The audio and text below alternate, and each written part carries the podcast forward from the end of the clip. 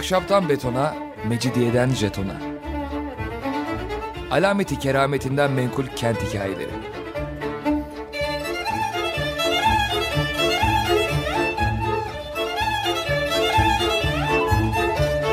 Hazırlayan ve sunan Pınar Erkan.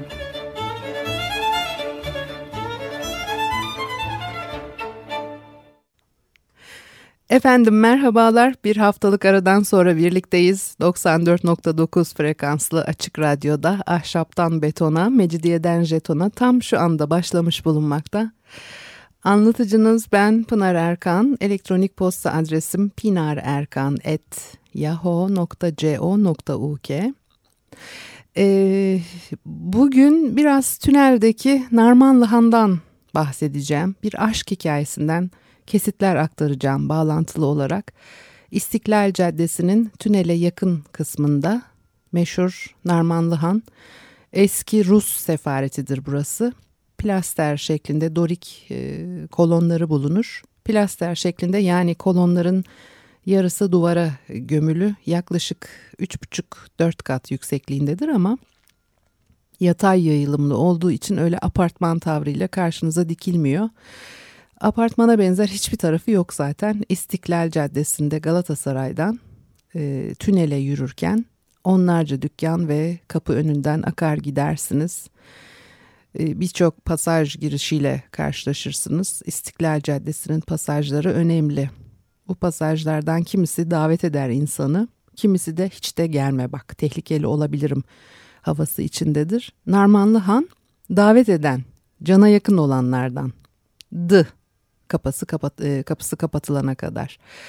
E, caddede yürürken çoğu zaman binaları birbirinden ayırt edemezsiniz. Göz hizanızda başınızı fazla kaldırmadan algılayabildiğiniz dükkanlar dizisinden ibarettir.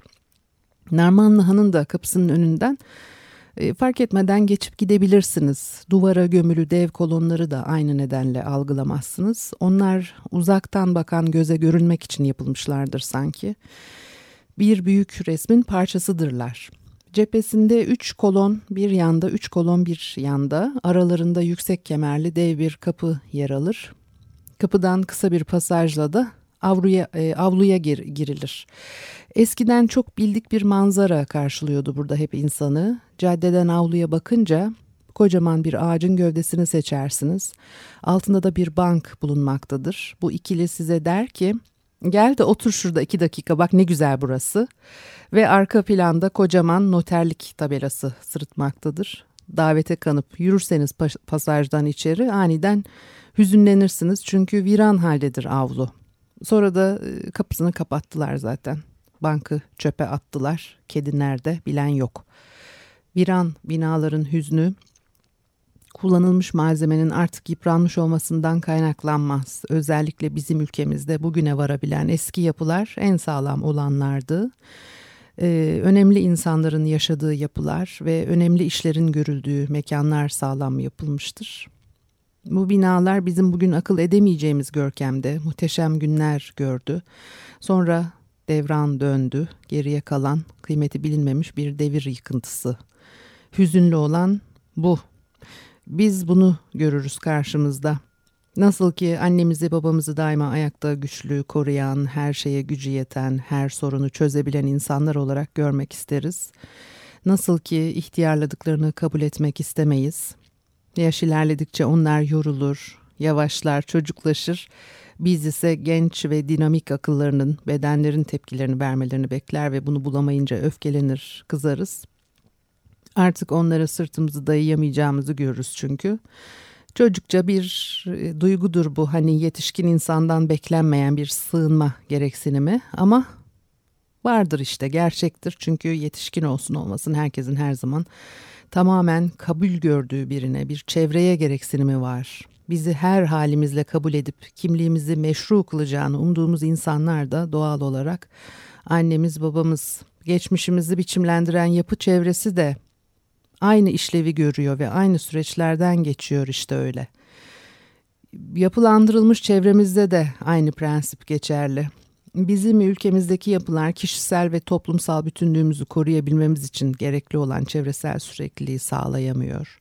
Sürekli olabilmeleri için eski ve tarihi yapıların temiz ve bakımlı olarak e, dimdik ayakta durabilmeleri gerekir. Bu eski yapıların da hüznü budur işte. Tek farkla zamanı yakalamak, geleneksel dayatmalara kulak asmadan canlı kalıp bilgeleşerek çocuklara, gençlere kucak açmak insanın biraz da kendi elinde. Oysa yapılar tamamen insana muhtaç. Kendileri yürüyüp gidemezler başka bir ülkeye. Burada benim değerimi daha iyi bilecekler diye bilmem hangi ülkeden sığınma hakkı talep edemezler. Şuradaki dükkandan uzatıp ellerini bir kova boya, iki tahta, üç çivi kapıp kendi kendilerine onaramazlar. Onları arsızca tahrip edenleri kulaklarından tutup sokağa atamazlar. Bu bakımdan bize fena halde muhtaçlar. Narmanlı Han'ın geçmişi yaklaşık 180 yıl öncesine dayanır. Yapıldığı dönemin e, Petersburg yapılarıyla ilişki iç, içindedir. O yapılarla benzerlikleri görürsünüz hemen. Hanın üç tarafı sokakla çevrili, içindeki geniş avlusu, ağacı ve yeşilliğiyle iç ferahlatıcı ve güvenlikli bir havaya sahip Sofyalı Sokak tarafında mahkeme ve cezaevi bölümü yer alıyormuş. Yüksek duvarlar arkasında. Sonra meşhur Fossati kardeşlerden birinin yaptığı yeni binaya geçince Rus elçiliği burası boşaltılıyor. Gerçi 1930'lara kadar kısmen kullanılmaya devam edilmiş. Rus konsolosluk bürolarına, Rus şirketlerinin bürolarına ev sahipliği yapmış. Ruslar elden çıkarınca özel mülke dönüyor. Narmanlı kardeşler satın alıyor. Avrupa'daki e, ne Avrupa'sı? Avludaki e, havuz doldurulmuş o zaman. O yıllarda e, çok önemli isimlerin yaşadığı ya da atölye olarak kiraladığı odalar burada. O isimler Bedri Rahmi Eyüboğlu örneğin, Ahmet Hamdi Tanpınar, Aliye Berger, John Berger, Türkiye'nin en eski gazetesi Ermenice Yamanak burada yayınlanmaktaydı. İdarehanesi Suriye apartmanında bulunan e, Rumca Apoyev Matini de e, Narmanlı Han'da basılırdı. Andrea Kitabevi, konfeksiyoncu Antoine Visconti buradaymış. Mina Urgan anılarında Narmanlı Han'da Bedri Rahmi'nin atölyesinde geçirilen saatlerden e, söz eder. E, kimi kaynaklarda e, Charles Berger e, veya Charles Berger Fransızca ama Macar veya Alman asıllı olarak e, e, geçiyor farklı e, kaynaklarda virtüöz e, e, muhtemelen Macaristan'da krala karşı düzenlenen bir siyasi olaya adı karıştığı için yurdundan kaçıp İstanbul'a geliyor. Şakir Paşa ailesinin kızlarını etkilemiş pek çapkın bir adam evinin e, loş köşelerinden çıkıp pek hayata karışmazmış. Odasında dört duvarı kaplayan kocaman bir kütüphanesi var. Sadece notaları, bestecilerin yaşamını değil hemen her şeyi bilen bir adam. E, resimden, tarihten ve edebiyattan iyi anlıyor. Sarayda Abdülmecit'in çocuklarına ve sultanlara ders vermiş zamanında. E, Nadir Nadi ile Remzi Paşa'nın da e, çocukları ondan ders almış. Şakir Paşa'nın kızları dedimse de aslında torunları Şakir Paşa ile Cevat Paşa'nın soyları 11. yüzyıla kadar gidiyor. Ee, Osmanlı Devleti'nde idarecilik ve askerlik yapmışlar. Ee, yani tabii çok detaylı anlatamayız bunu. Ee, özetlemek gerekirse birçok dil konuşabilen, iyi eğitimli, ileri görüşlü, işte vatana millete hayırlı kimseler. E, Cevat Paşa Abdülhamit'e sadrazamlık yapmış. O dönemde Nişantaşı'nda oturduğu köşk sonradan Işık Lisesi olmuştur. Işık Lisesi de meşhur. Şakir Paşa adada yerleşmiş. Çocukları, torunları Cumhuriyet devrinde sanata yönelmiş. Cumhuriyet tarihinin bu sayfalarına silinmeyecek biçimde ailenin e, damgasını vurmuş kimseler. Fahrenisa Zeyd, Türkiye'nin e, o dönemde çok önemli ressamlarından Şakir Paşa'nın kızı.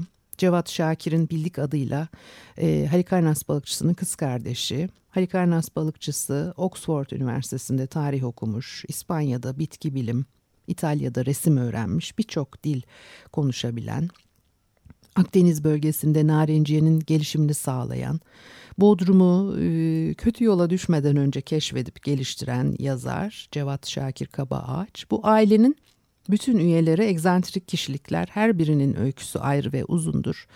Cevat Şakir'in en önemli özelliklerinden biri Akdeniz'e ve Anadolu uygarlıklarına olan aşkı. Ee, ömrünü e, Akdeniz bölgesini geliştirmeye, Anadolu uygarlıklarını tutucu ve taraflı Batı tarihçilerine karşı tanıtmak için çalışmakla geçirmiştir. Birçok kitabı var. Alınız, okuyunuz. Çok şey öğreneceksiniz. Aliye Berger de üçüncü kardeş. Ee, burada biraz duracağım ve e, size minik bir aşk hikayesi anlatacağım ama bir kısa ara verelim. Ondan sonra devam edelim. eskiden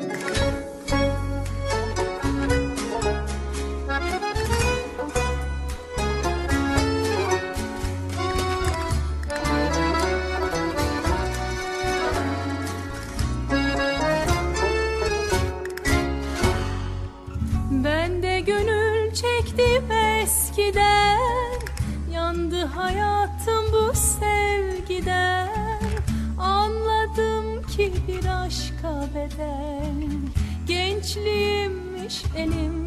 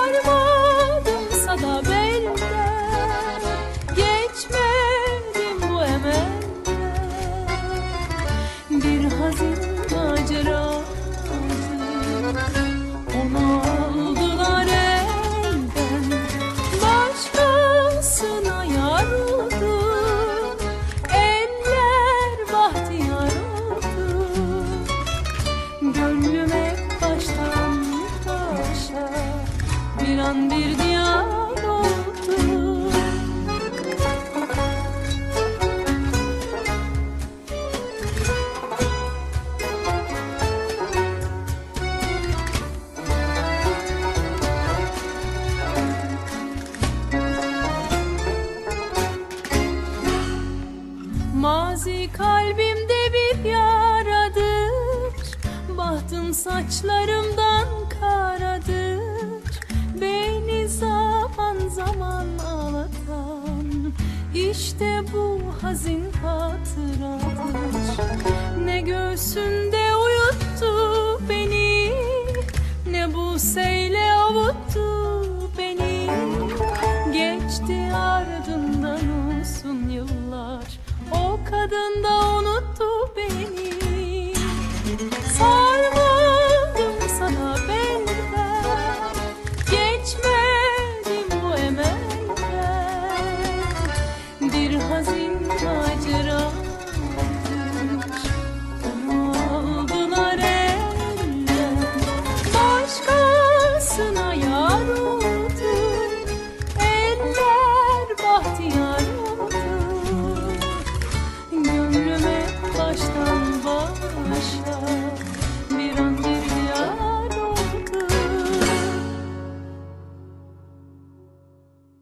Efendim e, Açık Radyo'da Ahşaptan Betona, Mecidiyeden Jeton'a devam ediyor. E, Ben Pınar Erkan. E, Narmanlı Han'dan söz ediyoruz bugün ve size minik bir aşk hikayesi anlatacağım dedim. Füreyya, Türkiye'nin ve dünyanın tanıdığı seramik sanatçısı Atatürk'ün yaveri Kılıçeli e, Füreyya'nın eşiydi.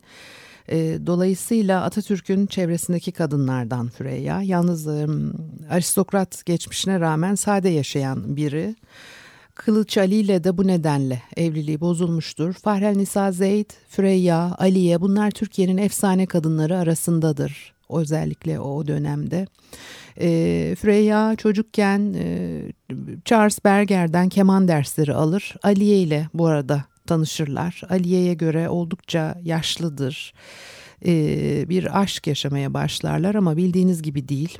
Zaten bu ailenin e, fertlerine baktığınız zaman hiçbiri bu dünyadan değil. Aliye ile e, Charles Berger'in aşkı senelerce gizli saklı devam eder. Çünkü yaş farkı ve başka nedenlerle onaylanacak gibi değil. Ancak Aliye öyle tutkuyla aşıktır ki Berger'in birlikte çalıştığı Ermeni piyanist Marie'yi Fahrenisa'nın kocası İzzettin Melih'in silahıyla vurur. Olay örtbas edilir, yıllar geçer. Charles Berger kalp krizi geçirerek öteki dünyaya göçer. Freyya'nın e, yaşamını anlatan kitaptan bir pasaj aktarıyorum. Cenaze denince benim gözümün önüne nedense adadaki köşkte alt salonun en dibindeki masanın üzerinde duran ve yukarıdaki pencereden üstüne nur yağmışçasına sıcak, yumuşak bir ışığın düştüğü tabut gelir. Aliye'nin ünlü kocası Berger'in tabutu. Aliye tabutu taşıyan masanın sağ kenarına yere diz çökmüş, beyaz narin eli tabutun üstünde, sanki ölümle bütünleşmiş gibiydi. Elindeki aynayı Berger'in ağzını tutuyordu sürekli. Kolu yorulduğu zamanlar aynayı üvey oğlu Altemur alıyor, o tutuyordu hatırı için. Hepimiz aynaya Berger'in nefesinden bir buğunun düşmeyeceğini biliyorduk. Ama Aliye'nin vazgeçmeyeceğini de biliyorduk. Tabutu götürülene kadar durmuştu orada Aliye. Hatta günlerce durmuştu. Berger gömüldükten sonra bile gidip gidip o masanın dibine diz çöküşünü hatırlarım. Charles Berger adadaki mezarlığa gömüldü. Aliye ise e, adadaki çamların arasında sürekli ağlayarak dolaşan, yaşayan bir e, ölüye dönüştü. Cenazesini de Türkiye'den kalkan cenazeler gibi yeşil bir örtüye değil, e, rengarenk eşarplara sarmış. E, Aliye kendini içkiye veriyor bundan sonra. Ee, ve Fahrenel Sazeyd kurtulmak için kendisine bir uğraş bulması gerektiğini düşünüp onu e, gravür yapmaya teşvik ediyor. Diyor ki bakır levha üzerine desen çizmek kuvvet işidir. Ona gayret vermek için yapacağı gravürleri Charles Berger'in kitabına resim olarak koyabileceğini söyledim. Çünkü Berger'in şiirlerini yayınlamak istiyor. Fikir Aliye'ye cazip geldi. Şimdi kederini çalışarak yenmesi için dua ediyorum. Yoksa içmekle bir yere varamaz.'' Godfrey Goodwin, e, Aliye Berger'in eserleri için Berger'in ölümünden sonra ona olan tutku halindeki aşkı yaratıcı bir güce dönüştü diyor. E, Charles Berger'in ölümünden sonra bir süre yurt dışında kalıyor Aliye. İstanbul'a döndüğünde Narmanlıhan'daki eve yerleşiyor ve Şirin Devrim'in ağzından bu evin tasvirini aktarmak istiyorum size. Kızıl Toprak'tan şehre indiğim zaman hala Berger'in eski apartmanında yaşayan Aliye teyzemi ziyaret ediyordum. Orasını Christian Berar'ın Şelyon'un Deli Kadını oyununun dekorunu anımsatan inanılmaz bir atölye haline getirmişti. İnsanlar onun yaptığı sarı vodkadan içmek için günün her saatinde geliyordu. Godfrey Goodwin'in dediği gibi damı görmüş olağanüstü mutfağına girildiğinde bir büyücünün kaplarını andıran kavanozları, konserve kutuları ve orada yaşayan ruhsal dengeleri bozulmuş güvercinler. Kapısını birkaç kez vurduktan sonra çünkü zili işlemezdi, teyzem kapıda görünürdü. Her zaman olduğu gibi aşırı makyajlı, darmadağınık saçları da kumaş kırpıntılarıyla tutturmuş olurdu. Gel benim Şirin Hakim diye beni oturma odasına çekerdi. Bak sana ödül kazanmış büyük şairimizi tanıtayım derdi. Aliye teyzeme hem ünlü hem yeni filizlenen aktörler, aktrisler hem de Robert Kolej'den profesörler gelirdi. Onun sanatı, kişiliğinin hafif uçukluğu, bohem yaşam tarzı, bütün bu değerli insanları etkiliyordu. Örneğin aynı zamanda İngilizce hocaları olan yazar Goodwin ile Samu Boyd, Aliye hakkında sık sık yazarlardı. 1974'te yayınladığı İstanbul'da Dolaşırken adlı kitabında Hilary Summerboyd şöyle yazar. Aliye'nin evi yerel e, sanat arenasının en civcivli, en delişmen merkeziydi. O inanılmaz apartman dairesi her zaman e, e, her zaman için kitabı yayınlanmamış edebiyatçılar, piyesleri sahne yüzü görmemiş oyun yazarları, bir tek resmi bile sergilenmemiş ressamlarla dolup taşardı. Çoğumuz Aliye'nin evinin ulusal bir anıt olarak ilan edilmesini ve Aliye'nin eski Beyoğlu'nun kraliçesi olarak sonsuza dek hüküm sürmesini isterdik. Oturma odasına vardığımızda Aliye teyzem orada bulunan başka bir misafirin yardımıyla Berger'in piyanosunun yanındaki tahta sandığın üstünde duran 20 litrelik damacanadan bana kendi yapmış olduğu sarı vodkadan ikram ederdi. Koca şişenin üstü çiçek ve hayvan çıkartmalarıyla, boğazı da çingene pembesi tafta kurdeleden bir fiyonkla süslenmişti.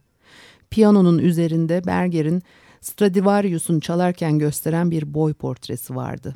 Her tarafta içleri dolu sigara tablaları, yarı içilmiş bira ve konyak şişeleri dururdu. Her zaman olduğu gibi Aliye teyzem çok içki ve sigara içerek karmaşa içinde yaşıyor ve saat denen buluşun yaşamına hükmetmesine kesinlikle izin vermiyordu. Avlunun öbür yanında yaşayan komşularının dediğine göre gecenin üçünde incecik bir gecelikle elinde içki şişesi küçük mutfağına geliyor ve eski zamanın demir ütülerine gravür yapıyormuş. O ütüler bana Bağdat'ta gördüğüm kuyrukları havada siyah akrepleri anımsatırdı. Zaten bütün yaşamı bir kargaşa içinde geçmişti. Önde gelen Avrupa eleştirmenleri tarafından da beğenildiğini öğrenince daha bir gevşemişti. 1954 kışında benim İstanbul'a gelişimden az önce o zamanın önemli bir bankası halkla ilişkiler amaçlı bir sanatsal yarışma düzenledi.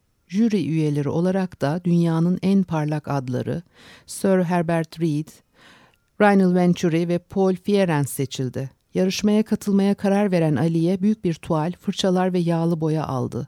İlk yağlı boya çalışması olan bu tabloda büyük bir güneş, dünyanın geniş bir arazi parçası üzerinde etrafında halelerle adeta dönüyor, yuvarlanıyor ve doğaüstü şiddetle patlıyordu. Bu resmin birinciliği kazanması sanat dünyasında resmin konusundaki gibi bir patlama yaptı. Yarışmaya katılmış, kendini kanıtlamış ressamlar buna fena halde bozuldular, öfkelendiler. Aldatıldıklarını ve jüri üyeleri tarafından aşağılandıklarını öne sürdüler. Ünlü ressam Bedri Rahmi, Aliye yerini bil diye bir eleştiri yazısı yazdı. Her ne kadar Aliye'yi iyi bir gravürcü olarak kabul ediyorlarsa da haklı olarak onun ressam olduğunu düşünmüyorlardı. Bu olağanüstü olay Aliye'nin ününe ün kattı ve onu sanat dünyasında egemen yaptı. Aliye Berger ansiklopedilere e, Türk ressam gravürcü olarak geçmiştir. 1974 yılında amfizemden ölmüş ve adanın tepelerine gömülmüş.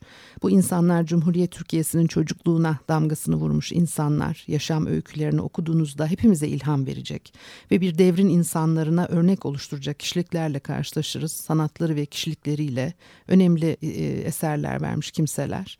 Yani uzun yıllardır sanat budur, müzik budur, sanatçı budur diye bir sürü çirkeflik ve soytarılıkla halkı kandıran zihniyet yine iş başında dünya çapında eserler vermiş. Aliye Berger'in yaşadığı yer bilinmez.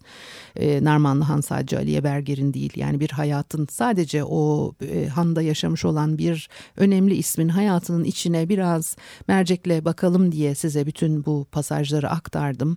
Yoksa e, Bedri Rahmi Eyüboğlu, e, Ahmet Hamdi Tanpınar ve diğer isimler buraya e, onların da her birinin hayatına derinden baksak göreceğimiz çok önemli e, e, işler ve e, anılar hayatla ilgili öğreneceğimiz çok şey var bu Narmanlı Han'ın içinde. Ee, yani ama bu yani Narmanlı Han'ın e, yaşının içinde e, yaşamış onaya hayat vermiş bu insanların hiçbirisi bilinmez ama bilmem hangi arabeskçinin nerede kaç evi varmış bunların hepsi bilinir. Aliye Berger'de gravürleri de kimsenin umurunda değildir. Böylece değerli ve son derece renkli sanatçıların yaşamasıyla önemli ve tarihi değeri katmerlenen yapılar yıkılır. Yerine kazulet binalar dikilir. Geçmişte de bir proje hazırlanmıştı Narmanlı Han için bundan 10 sene kadar önce. O durdu. Şimdi yine hareketlenme var. Bakalım bu sefer neler olacak. Şu hali zaten özgün değil deyip yapıları e, tarumar ediyorlar. E, Bizans devrinde çarşı alanı Ayasofya yakınlarından başlıyordu. Şimdiki divan yolu ve çemberli taşı takiben. Beyazıt ve Şehzade başına Aksaray Kosko'ya uzanıyormuş. Çarşının bir kısmı da kapalı çarşının bir tarafından yaklaşıp Sirkeci'ye kadar iniyor. Osmanlı devrinde mevcut çarşı alanları kullanılmış. E, o arada Galata ve Pera'da bir parlama e, görünüyor ve 20. yüzyılın ilk yarısında İstanbul'un en büyük mağazalarının önemli bir bölümünün İstiklal Caddesi üzerinde yer aldığını görüyoruz. Tabii ki şehrin kuzeye doğru kayması, nüfusun artmasıyla bir farklılaşma söz konusu ve e, büyük tüccarların ofisleri de buraya kalmış, e, kaymış. 1950'lerden sonra Şişli'ye ve 70'li yıllarda Gayrettepe'ye varmışlar. Son yıllarda Maslak'a yayıldıklarını görüyoruz ağırlıklı olarak. Yani bunlar böyle Ayasofya'dan başladılar ya yola. Temennim odur ki Şişli, Gayrettepe, Maslak derken Karadeniz'e varıp çıkıp gidecekler. Biz de kurtulacağız bu acayiplikten. Karar veremediler nereye yerleşeceklerini. Semt semt geziyorlar. Gezerken de geride bıraktıkları manzara hiç hoş olmuyor. Bir de şimdi böyle yer kalmamış gibi geri dönüp tarihi dokunun tam göbeğine e, e, oturmalar e, başladı ve e, Narmanlı Han ben buraları sit alanı zannediyordum. sit alanları kelimenin gerçek anlamıyla sit alanları olmadan önceydi galiba. Bir de e, koruma kurulundan e, geçiyor projeler. Koruma kurulları korumaya devam ediyor ama neyi koruyorlar onu e, bilemiyoruz. E, Narmanlı Han adı üstünde Han. E, bakarsanız görmüşsünüzdür. Görmediyseniz görün lütfen artık. E, Beyoğlu'ndaki apartmanlar da İstanbul'un başka yerlerindeki apartmanlara benzemez. Bu bölge içinde kendine has özellikler taşır ve e, İstanbul'un tüm kentleşme tarihini orada okumak mümkün e, adeta. E, daha niye konuşuyoruz bilmiyorum ama gayret etmek lazım herhalde. Evet. Evet program burada bitti. Bana ulaşmak isteyenler için elektronik posta adresim pinarerkan.yahoo.co.uk Haftaya yine buradayım. Görüşmek üzere. Hoşçakalın.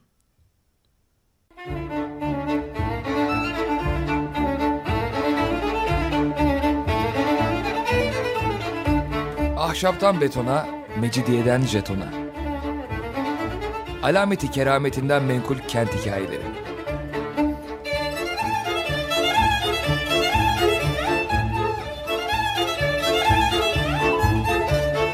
Hazırlayan ve sunan Pınar Erkan.